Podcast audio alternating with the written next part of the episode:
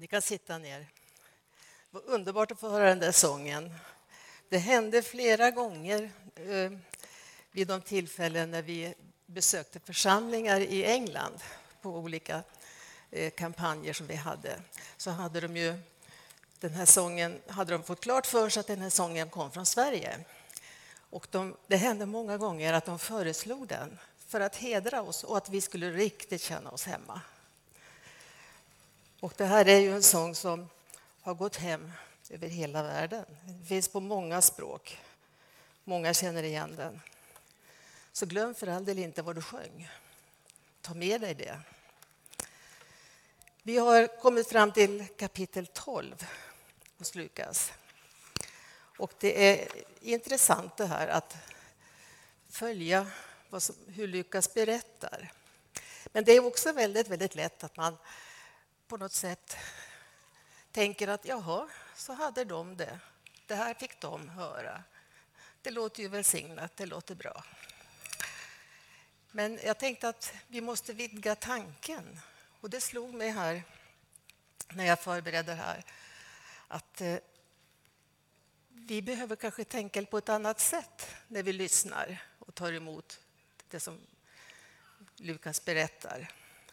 I början av det här kapitlet så berättar han att det hade samlats tusentals människor omkring Jesus och att han undervisar dem.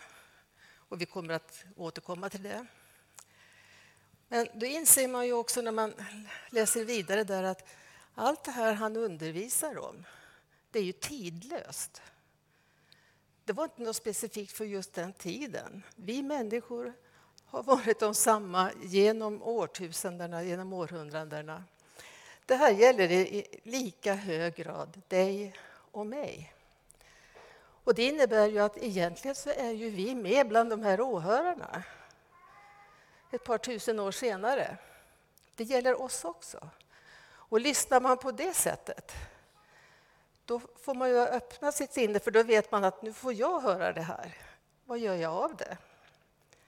Det är ingenting som hände där och då. God bless them. Utan det här är till dig och mig också. Och han börjar med att, eh, att berätta för dem att de ska inte vara rädda. Är det något vi behöver höra idag? Vi ska inte vara rädda för de yttre hoten. För vad, de är, vad som än kan hända med vår kropp så kan inte det onda i världen nå det där allra, allra innersta varat i dig och mig. Det som vi har fått överlämna till Herren. Det kan ingen ondska i världen rå på. Det här behöver vi påminna om. Och de här människorna på den här tiden de levde ju under en ockupation. De, levde ju, de var ockuperade av det romerska riket. De längtade efter frihet. De levde med ständig oro, ängslan. Hur ska det här sluta? Hur ska det bli? Och de visste historien bakåt också, vad som hade hänt med deras folk under åren. Och då säger Jesus till dem här, var inte rädd. Var inte rädd för dem. Och han tar bilder från naturen. Han berättar om sparvarna. Man kan köpa fem sparvar för två, eh, två kopparmynt, säger han. Men inte en enda av de där sparvarna faller till marken utan att er far i himlen vet om det. Vilken tanke! Och han säger, ni är värda mycket mer än aldrig så många sparvar. Sen går han steget vidare, närmre. Att på er så är till och med hårstråna på era huvuden räknade. Här kan vi snacka om daglig uppgradering, eller hur? Och det betyder ju inte att Gud har mer omsorg om vissa än om andra. Men det är en bild också på att Ingenting är främmande för honom. Han tar hand om hela oss, hela vår varelse. Både vår kropp, vår själ och vår ande. Vi vilar i hans hand oavsett.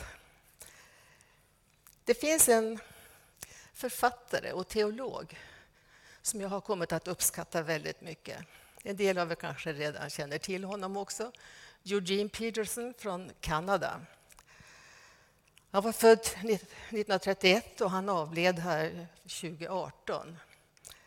Han var pastor i, samma församling i 29 år.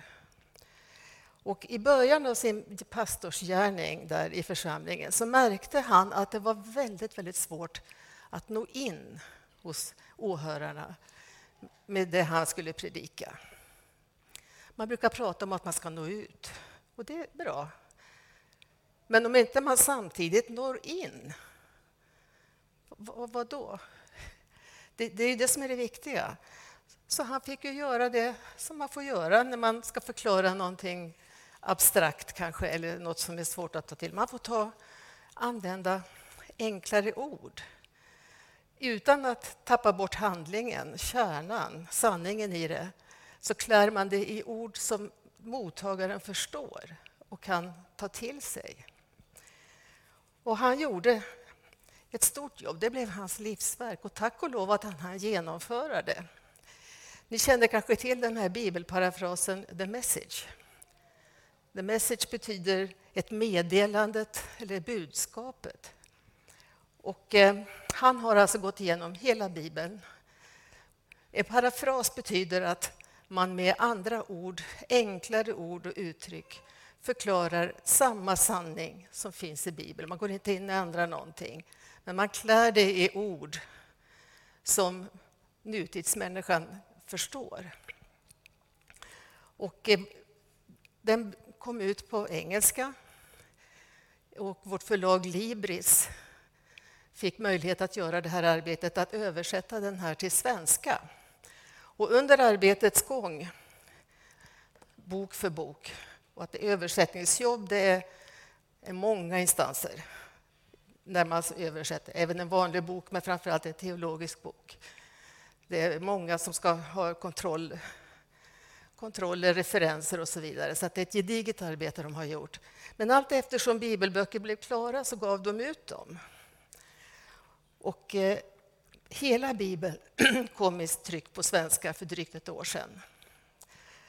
Eh, och eh, jag tänkte att jag skulle läsa ett av de här texterna för idag från The Message.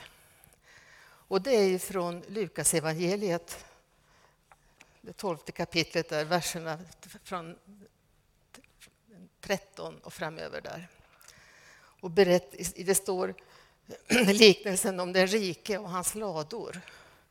Och här har man berättelsen, berättelsen om den snikne bonden.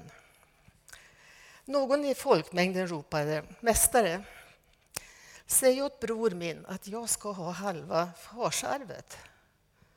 Men hur kommer det sig att du tror att det är min sak att vara domare eller skiljedomare för er, svarade han och fortsatte vänd till folket. Se upp! Akta er för minsta spår av girighet. Ni är inte vad ni äger, inte ens om ni äger mycket. Lyssna på den här berättelsen. Det var en rik bonde som hade fått fantastiska skördar. Vad ska jag göra med allt? undrade han. Jag har inte plats i ladorna för hela skörden. Jo, jag vet.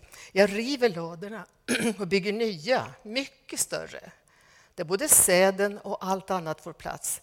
Sen kan jag pusta ut. Sen har jag jobbat bra. Sen kan jag dra mig tillbaka, bara ta det lugnt och leva livet. Då kom Gud och sa, dumheter, du dör ju i natt. Och vad blir det då av alla saker i dina lador? Så går det när man fyller sina förråd med sig själv och inte med Gud. Att någon ropar eller ska, ber om råd och hjälp inför till exempel ett arvsskifte, det är inget ovanligt. Jag tror inte att det var någon här som ville på något sätt sabotera eh, eller provocera Jesus.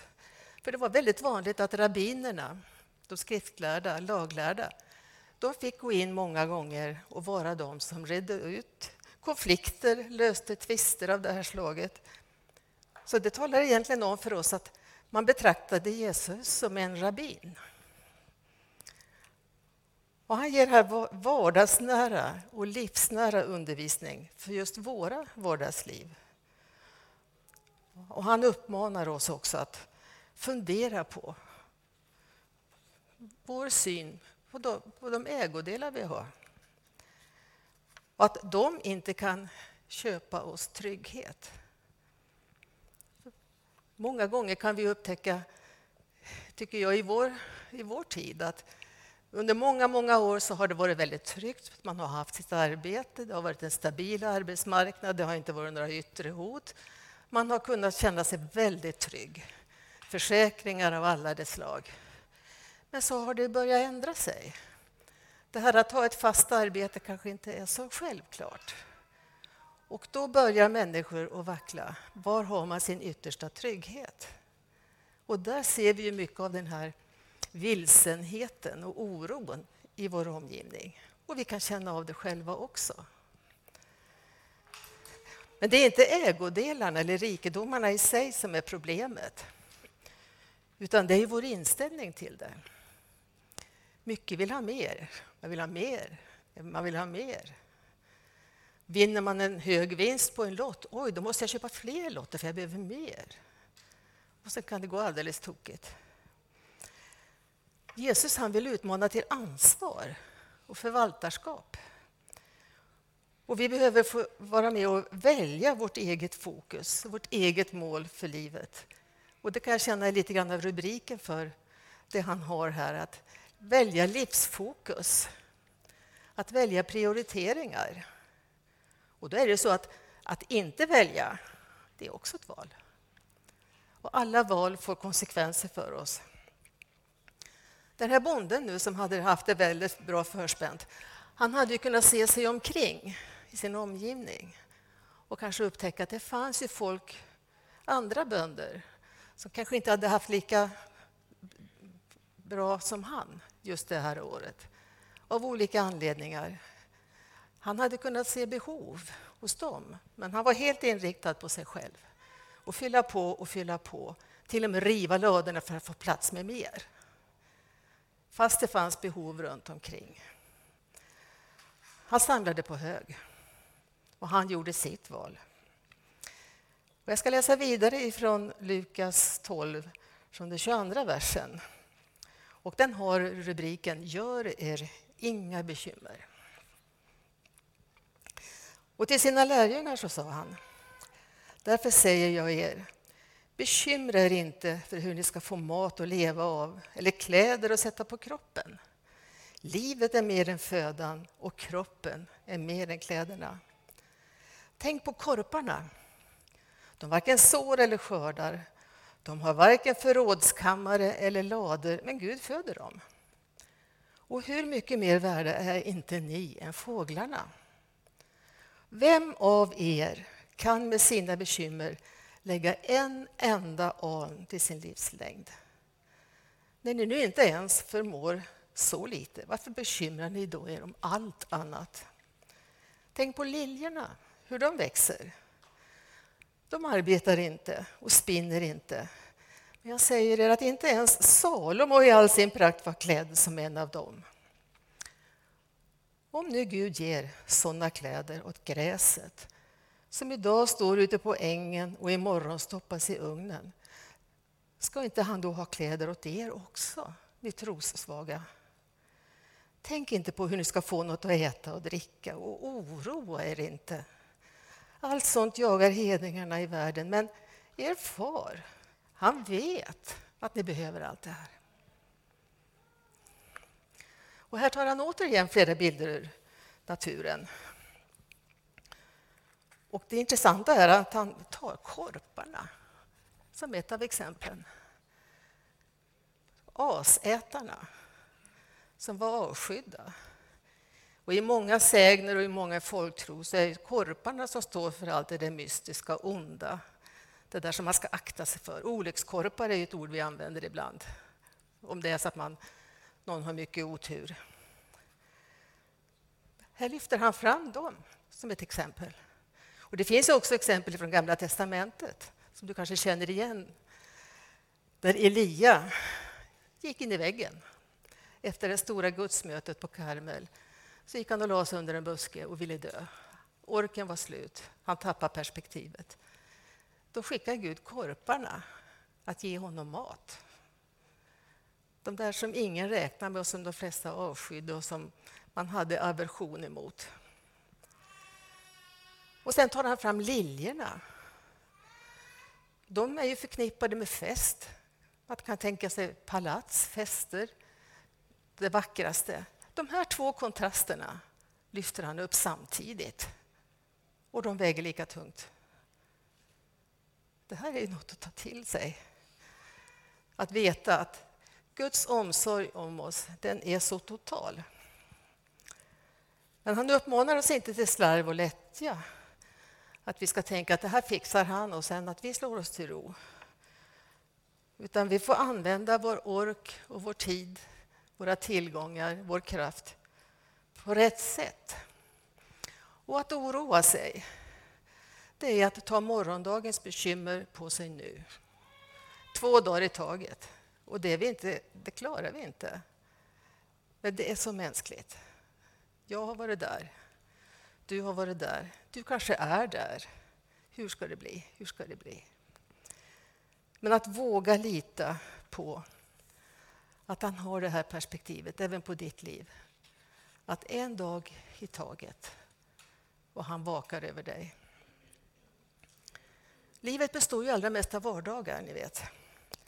Tvätthögar travar med disk, dammråttor, tunga matkassar som ska hem, leriga galonbyxor och stövlar och snuviga ungar. Arbetsplatsträffar och jobbplaneringar och bilbesiktning och klockan går alldeles för fort. Och här tror jag ni kan fylla på. Ni känner igen det här. Mycket. Och egentligen så är det många gånger ganska orimliga krav vi ställer på både oss själva och på omgivningen. Vi tror att det ska här funka. Och jag kan säga ibland om jag ser att det är någon som att det blir lite tokigt. Trodde du att det här skulle gå? Jag gör själv samma misstag ibland. Och då är det nära till hands att man drömmer sig bort och tänker på åh, Guds riket. Det är en tillvaro inom en guldram. Välpolerat, inget damm. Blå himmel och en hängmatta med lugna, svala briser. Det är Guds riket. Men Jesus han säger någonting annat. Ifrån Lukas 17, 20-21, så säger han Tillfrågad av fariseerna om när Guds rike skulle komma så svarar han Guds rike kommer inte på ett sådant sätt att man kan se det med sina ögon. Ingen kan säga att här är det, eller att där är det. Nej, Guds rike, det är inom er. Och han talar många gånger om Guds riket som ska ta gestalt i var och en som väljer att bjuda in honom i sitt liv, ta emot förlåtelsen och upprättelsen och bli ett Guds barn. Och vi får förlita oss på Gud på samma sätt som ett barn förlitar sig på sina föräldrar. Och man kan ju höra ibland små barn som kanske blir impa på varandra att min pappa, han är mycket starkare än din. Nej då. Min pappa, han kan. Och sen håller de på. De ger nästan övermänskliga egenskaper till den som de har sin trygghet i. Men vi får lita på Gud. Och han ger oss endast goda gåvor. Vi är så högt älskade i hans ögon. Och Gudsriket, det är ingen börda som man ska axla och bära. Nu ska jag bära ut Gudsriket här i Väsby. Utan det är en urkraft. Det här säger Jesus, det här får vi ta till oss idag du och jag. Vi är bland åhörarna när han förkunnar det här. Och det är inte en massa goda råd. Gör så här så blir det så här. Gör inte så, utan gör så. Utan det är en uppmaning att prioritera honom. Att prioritera och ta till sig Guds riket.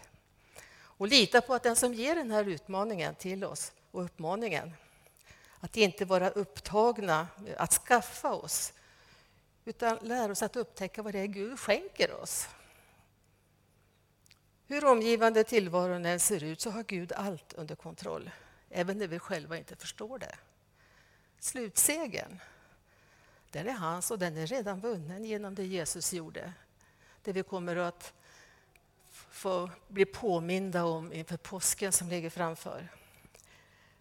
Så vi får ta vara på Guds erbjudanden, den verklighet han erbjuder oss. Och så får vi lita på det han gör i sin tid. Och vi får ta emot hans omsorger. Men samtidigt vara väl medvetna om att bara för att vi har en tro, att vi har överlåtit våra liv, så kommer livet att vara en dans på rosor. Det är det inte. Men den som lägger sitt liv i Guds hand kommer på olika sätt att se Guds hand i mycket av det som händer. Små saker, stora saker. Livet med Gud, det är ingenting som vi, vi pratar om att vi loggar in och vi loggar ut. Log on, log off. Vi loggar in på söndag och så drar vi ur kontakten inför veckan för då har vi annat för oss. Det är lätt att det kan bli så, så översköljd av allt det här med vardagen som jag räknade upp och som du har också framför dig och inom dig, allt det här du måste. Men han vill finnas i hela våra liv, helg som vardag. Och livet består ju mest av vardagar. Och det är där, vi, där, är där han behöver oss. Och vardagslivet, där du står, vad du än håller på med, vilka sammanhang du än rör dig i, det är i Guds ögon en heltidstjänst för honom. Sen får du komma på söndagen och så får vi tanka. Det här är tankstället där vi får lägga ner det som oroar oss. Vi får ta emot välsignelsen och så går vi ut till en välsignad vecka som kan vara jobbig ibland, som ibland kan vara genomvälsignad. Men det finns ändå mycket som vi behöver hjälp med. Och han kommer inte med några krav på oss. Han vill ge oss ett liv med mening. Och vi kan påminna oss om när han, brödundret brukar vi kalla en berättelse, ifrån, finns ju i flera av evangelierna. När Jesus hade samlat mycket människor, dagen började gå mot sitt slut. Och lärjungarna började fundera på och ställa frågor. De här människorna måste ju få någon mat. Vi kanske ska skicka iväg någon och handla. Och då vänder Jesus på dem. Ni, ska, ni kan ge dem. Vad har ni? Och det berättas om att de hade fem bröd och två fiskar. Ja, men ta det då. Och han välsignar. Logiken stämde inte. Fem bröd och två fiskar. Men med hans matematik så räckte det. Han, han vill... Jesu uppmaning är ge dem. Man kan hålla på kanske och be för någon som man har bett för länge, men Jesu ord kan ju också vara, men gå och prata med den då. Att verkligen få vara använd, få de här impulserna, vad ska jag göra? I all enkelhet. Vad har du i dina händer? Tillgångar, talanger, intressen, tid. Det du har, det välsignar han. Och de där timmarna och energin som du lägger ner på volontärtjänst här i församlingen eller borta på Skopan, vår second hand, det välsignar han. Du gör det du kan. Och du som är med och, tillverkar filtar och babykläder och blöjor till våra babypaket på stickkontakten. Det välsignar han. Det kommer att nå fram dit det ska. Och allt som vi använder i, i hans tjänst, det välsignar han. Stort som litet. Vi gör vår del, han gör resten. Och vi kan lita på det. Sen kan ju vägar och kallelser se väldigt olika ut, både genom våra egna liv olika kapitel av livet, vilka möjligheter man har beroende på omständigheter runt omkring, jobbrelaterat, familjerelaterat och så vidare. I januari så var det en internationell pastorskonferens nere på Infracity som Pingst FFS ordnade. Och vi var eh, över 800 pers där. Och det var deltagare från över 60 länder. För inför det här året hade man uppmanat församlingarna att bjuda in medarbetare från missionsländerna. Inte missionärer, en del missionärer, men även någon som var infödda medarbetare att komma.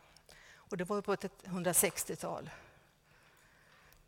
Och sen var det gott att få träffa många gamla kompisar ända från 60-talet. Vi kände igen varann. Det var grejt. Och den där känslan då när man möts, man känner igen varann och den känslan, men vad har du gjort de sista 14 dagarna? Ungefär att man dockar fast där man var, det man gjorde tillsammans. Det är välsignat. Vi hade möjligheter att lyssna i olika seminarier. Och jag var med på ett seminarium där en pastor från Sudan, från Sydsudan som har varit en oroshärd som vi känner igen från nyheterna. Han berättar hur de har gjort och hur de gjorde. De var väldigt måna om de kristna där, att bygga relationer och skapa förtroenden i sin närmiljö. Att eh, i närsamhället bli delaktiga i, församlings, i samhällsfunktioner, i tjänster i samhället, i politiska samtal. Att finnas med där, så att folk visste att de fanns. Och när det sen var problem, då ville man ha med de kristna. Och han berättade att han sitter faktiskt med där de nu ska skriva en del nya lagar. Då vill man ha med de kristna också. Därför att man har byggt ett förtroende. Sen kan man tycka olika om saker, frågor. Men i grunden ett förtroende och man vet att man vill åt samma håll. Sen kan vägarna mot målen vara lite olika.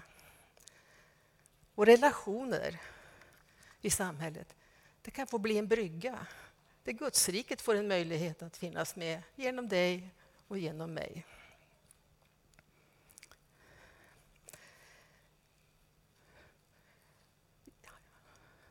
Han säger också, Lukas, att sök först Guds rike så ska ni få allt det andra också. I Lukas 12.31. Det är en utmaning i tro. Och det kan bli ett sätt att leva också, en livsstil. Och ett uttryck som jag har hört många gånger under min uppväxt är att Gud blir aldrig skyldig någon något. Man blir aldrig fattigare av att ge till Gud. Och Guds matematik, den, den är mycket speciell. Och den kan visa sig genom sånt som vi då i våra liv uppfattar som rena under, vardagsunder. Om vi har överlåtit vår tid, vår ekonomi och en livsstil. Och jag kommer ihåg, jag tror det var i början på 80-talet, så insåg vi att vi, vi behövde byta vår köksspis. Det var liksom inget alternativ. Och vi började räkna på det där, för vi hade det ganska knappt. Eh, att hur mycket kan vi lägga på det där? Så vi hittade en nivå som vi kände att ja, men okej. Vi gick till den här elbutiken som vi brukar frekventera. Vi hade förtroende för dem och bad att få titta på lite olika alternativ. Så vi fick kataloger att börja bläddra i. Och jag såg ju drömspisen med två stycken ugnar. Och vi hade en familj som växte, vi hade mycket folk som kom och gick. Jag tänkte, två ugnar, det skulle vara... Men så såg vi priset. Det var ju väldigt mycket över det vi hade möjlighet till. Så det var ju bara att släppa. Men med samma märke så fanns det alltså en systermodell med en ugn och ett värmeskåp. Och den hade många andra fördelar när man läste igenom all beskrivningen där. Så vi, vi bestämde oss för den och, och bokade den, beställde den. Och när vi sen en tid senare blev uppringda då att nu har spisen kommit, ni får gärna komma och hämta den. Så åker vi dit och då ser man att det är något som inte stämmer. För den här hällen, den är mörkbrun. Det hade vi inte. Och då tänkte man, har, har man missat någonting det vi beställde? Vi skulle ju ha en vit överhäll. En brun häll skulle inte alls stämma in i vårt kök. Och den som expedierade oss där, då, som vi kände väl, han var också fundersam, så han gick tillbaka till katalogen. Och där står det att den ska vara vit. Så vad han fick göra det var att gå och ringa till generalagenten och fråga hur, hur hänger det här ihop? Vi har beställt en vit och vi har fått en brun. I katalogen står det att det finns bara vita. Eller, och då tillstår de oj, den är inte uppdaterad. Det här har vi missat. Den finns inte med vit häll, den spis vi hade beställt. Sen kommer han tillbaka och så säger han till oss att jag har, de hälsar och vill att jag ska prata mer. Och de säger att om kunden accepterar det och om kunden känner sig nöjd då kan den få ta den här spisen med två ugnar till samma pris. Vad säger man då? Tack. Den tjänat oss väl. Och när vi 35 år senare flyttade ut ur huset så var det fortfarande i full funktion. Inga problem. Ibland får vi välsignelser som blir påtagliga.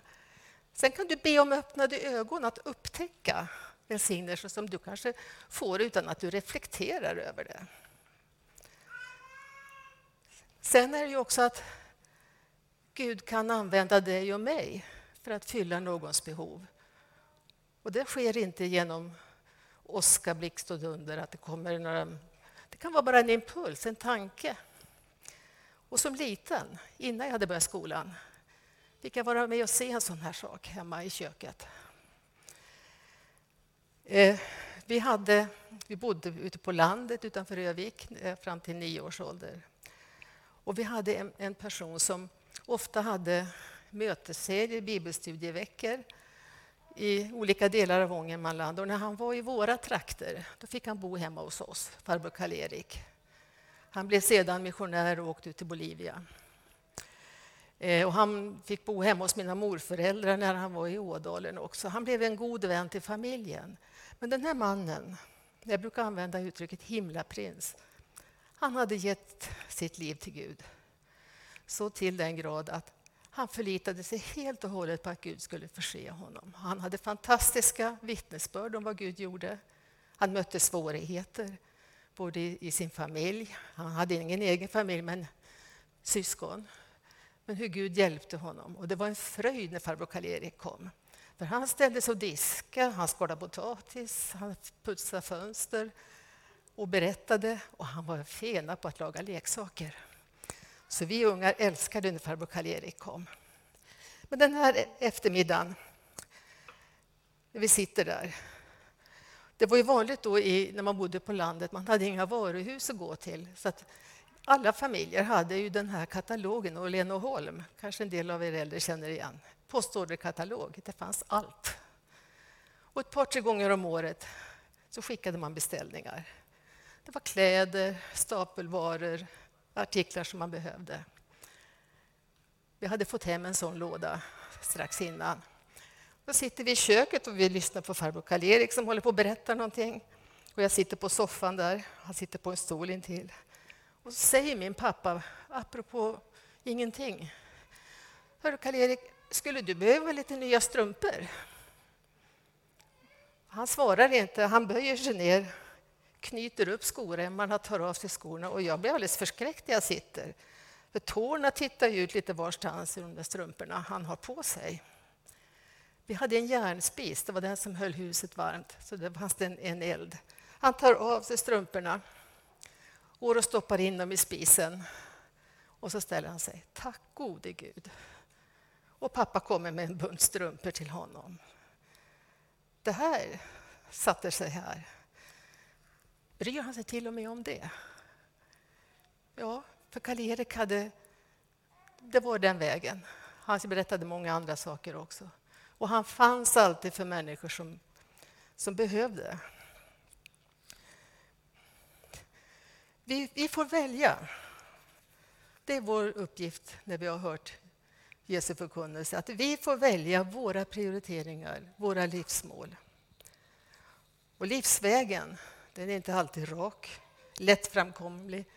Det finns skuggor, det finns osäkerhet och stenar och rötter att snubbla på. Men vi har en visshet om att vi inte är ensamma. Nu närmar vi oss vår, dags att så. Och lökar, växter vilar under marken och gör sig beredda att komma upp i ljuset. Nedanför vår balkong på Stallgatan så laddar ju vitsipporna om för fullt nu, kan jag tänka mig. När solen lyser, snön smälter. Snart kommer vi att ha en hel matta med vitsippor där. Och inom dig så finns det frön av längtan efter frid och mening med livet. Du längtar efter lösningar på problematiker du står inför. Sånt som du kanske inte delar med någon annan. Och idag annonseras det på många olika sätt på våra sociala medier, i tidningar om olika aktörer som välkomnar oss att komma till samlingar, ta del av olika tekniker som ska ge oss det här. Bara man anmäler sig och betalar en liten slant för det. I det sammanhang vi bodde tidigare så var det här väldigt, väldigt utbrett. Många människor sökte sig till det här. Men när man då i de sammanhangen, när man mötte det här, började prata om Jesus, då hände det saker, ska ni veta. Då blev det obekvämt. Det började skava. Vad har han med det här att göra? När vi så småningom inbjöd till alfakurser så var det ju ett antal som kom ifrån de här sammanhangen. Och de berättade att vi har prövat allt det här, det har kostat oss en massa pengar, det har inte gett någonting. Nu får ni chansen. Och i mötet med Jesus, för den är helt Jesus-centrerad. Vem är Jesus och allt som hör ihop. Och de utmanades till egen, egna möten med Jesus. Då började någonting nytt att gro i dem. För en del gick det snabbt, en del behövde längre tid. Och då erbjöd jag dem att komma med som medhjälpare på nästa alfa. Du kan vara min medhjälpare där lite grann. Lite praktiska saker. fick de gå ett varv till. Och han manifesterade sig för dem. De upplevde honom på ett sätt som de förstod, med de bakgrunder de hade. Och Det var mäktigt att se. Och Det är flera som har hört av sig lång tid efteråt här och vill tacka för utmaningarna, uppmaningarna och undervisningen de fick och att de har hittat nya vägar i livet tillsammans med Jesus. Det kan hända att det här är första gången du hör talas om det här. Du kanske inte ens vet vem Jesus är. Du har hört, hört det någon gång. Och du vet kanske inte så mycket vad han har gjort för dig. Men han bjuder in sig själv att få komma in i ditt liv få bli en del av ditt liv. Ge dig den fullkomliga förlåtelsen och tryggheten som han kan ge. och upprättelse som han har lovat till var och en som ber om det. Och du som känner Jesus kanske har vandrat med honom länge men ändå upplever en inre tomhet. Och du längtar efter en djupare tro, men det är så mycket som skymmer den. Vet du, han kan stilla din längtan och han kan mätta den där hungern du har, om du ber honom om det. Under nattvardsgången här så kommer det att finnas förebedjare här ute i loungen som är beredda att lyssna på dig, samtala med dig och be tillsammans med dig. Och du är välkommen att gå in till dem om du har... Om du, för Gud har något att ge dig i din unika situation. Men han tränger sig inte på. Du får välja.